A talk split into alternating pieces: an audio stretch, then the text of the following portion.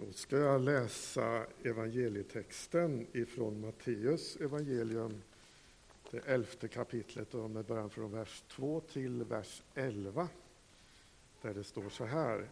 Johannes fick i sitt fängelse höra om Kristi gärningar och han skickade några av sina lärjungar för att fråga honom, alltså Jesus, är du den som skall komma eller ska vi vänta någon annan? Jesus svarade dem, gå och berätta för Johannes vad ni hör och ser, att blinda ser och lama går, spetälska blir rena, döva hör, döda står upp och för fattiga och fattiga får ett glädjebud. Salig är den som inte kommer på fall för min skull. När det hade gått började Jesus tala till folket om Johannes.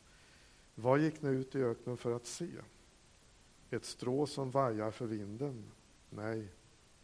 Vad gick ni då ut för att se? En man i fina kläder? Men det som bär fina kläder finns i kungapalatsen. Vad gick ni då ut för att se? En profet? Ja, och jag säger er, en som är mer än en, än en profet. Det är om honom det står skrivet, se jag sänder min budbärare före dig, han ska bereda vägen för dig. Sannerligen, ingen av kvinna född har trätt fram som är större än Johannes döparen, men den minste i himmelriket är större än han. Amen. Bana väg för Herren, det är temat för den här söndagen. Och det kanske inte är alldeles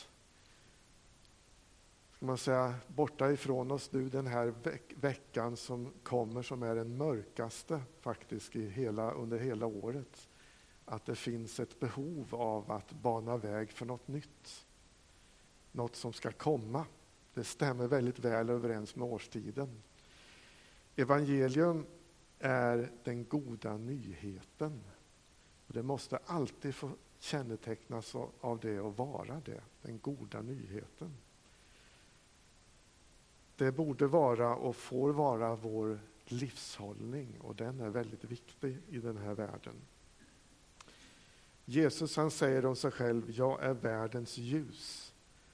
Och han säger om oss, ni är världens ljus. Det kan låta som ett orealistiskt önsketänkande, både när det gäller Jesus och när det gäller oss. Amen kikar ut över vår värld, i alla fall den värld som nyheterna förmedlar. Men det är inte orealistiskt. I Johannes så säger Jesus att ljuset lyser i mörkret. Mörkret finns där som en realitet, som någonting att förhålla sig till. Men ljuset lyser i mörkret. Och vidare säger oss bibeltexten att mörkret har inte makt med det. Alltså evangelium är den goda nyheten för mig som individ men också för min omvärld, också för en hel mänsklighet. Vi får vara det som präglas av ljuset. Ljusets kraft mot mörkret som talar ljus och som var med där, mer är handlar ljus. Inte minst det senare egentligen, att handla ljus. Hur banar vi då väg för Herren? Det är en aktuell fråga idag för oss som människor. Vad vi än kallar oss och vilka vi än är egentligen. Hur banar vi väg för, för ljuset, för det goda? För den kraft som är motkraften till allt det nedbrytande. I den här texten jag läste så finns två frågor. Den ena ställer Johannes döparen med de här orden. Är du den som ska komma eller ska vi vänta någon annan? En för Johannes oerhört angelägen fråga. Han är fängslad, Hans kontakt med yttervärlden är hans lärjungar som kommer på besök och han får höra talas om Jesus. Nu kan ju frågan tyckas vara en, en lite ovanlig i och med att Johannes var den som döpte Jesus, som såg duvan sänka sig ner över honom och som hörde rösten Du är min älskade son. Ändå så tvivlar Johannes där han sitter i sitt fängelse. Det är ett viktigt meddelande till oss i den här situationen. Vem som helst får komma med vilken fråga som helst av tvivel, av oro, av ängslan. Det finns en öppen dörr hos Gud att ta emot alla de här frågorna som jag och du bär. Ibland är dimman och mörkret tätare än ljuset. Och då är det viktigt att vi får komma med våra frågor för att gå vidare och komma igenom. Johannes han ställer den här frågan och man anar hans situation bakom frågan. Det intressanta är också Jesus svar. Han svarar varken ja eller nej. Det hade ju varit enkelt kan tänka att bara säga ja visst, lita på mig. Och så var frågan ur världen, men så enkelt är det inte. Så enkelt är det inte för mig heller. Och inte för dig heller anar jag. Jesus han svarar med en berättelse. Han säger så här, gå och berätta för Johannes. Vad är det för berättelse han, han ger Johannes då som han vill att han ska få del av? Ja, det är egentligen samma berättelse som hans lärjungar har gett honom. Alltså den om att, att de minsta får hjälp, de utstötta blir upprättade. Det finns ett värde för alla människor. Det var ju så på den tiden att eh, var man sjuk, var man blind eller döv eller vad man nu var så berodde det på synder man hade gjort. Och var man där av födseln så var det nog föräldrarnas synder. Det var ju ett väldigt smidigt och enkelt sätt att förklara ondskan och sjukdomen. Men eh, det, icke desto mindre så var det inte sant. Jesus han gick emot med en fas den här tanken och den här tron. Och han upprättar, helar och ger människovärde åt alla. De som inget var, de blev någonting där Jesus gick fram.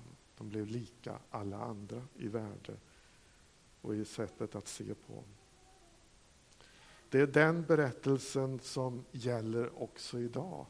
Och där den berättelsen är levande och verklig, där kan vi också veta att Guds son är. Där behöver inte vi vänta någon annan. Där kunde Johannes veta också att väntan var slut.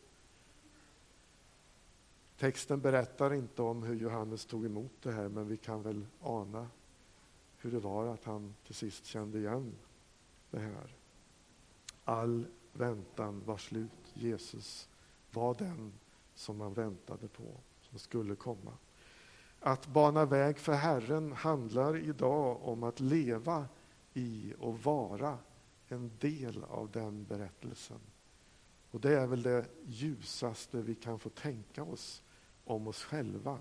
Att vara insluten i den berättelsen som handlar om nåd och upprättelse för alla människor och ljus för dem som har det som svårast.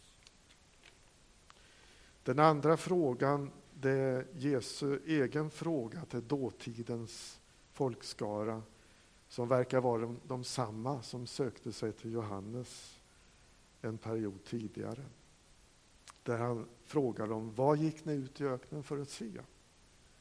Vad lockade, vad inspirerade er att lämna städerna och gå ut i öknen? Jesus han svarar själv delvis på sin fråga och betar snabbt av naturen. Det var inte den som var så vacker. Betar av det här med ära och berömmelse och vackra kläder. Det var inte heller aktuellt.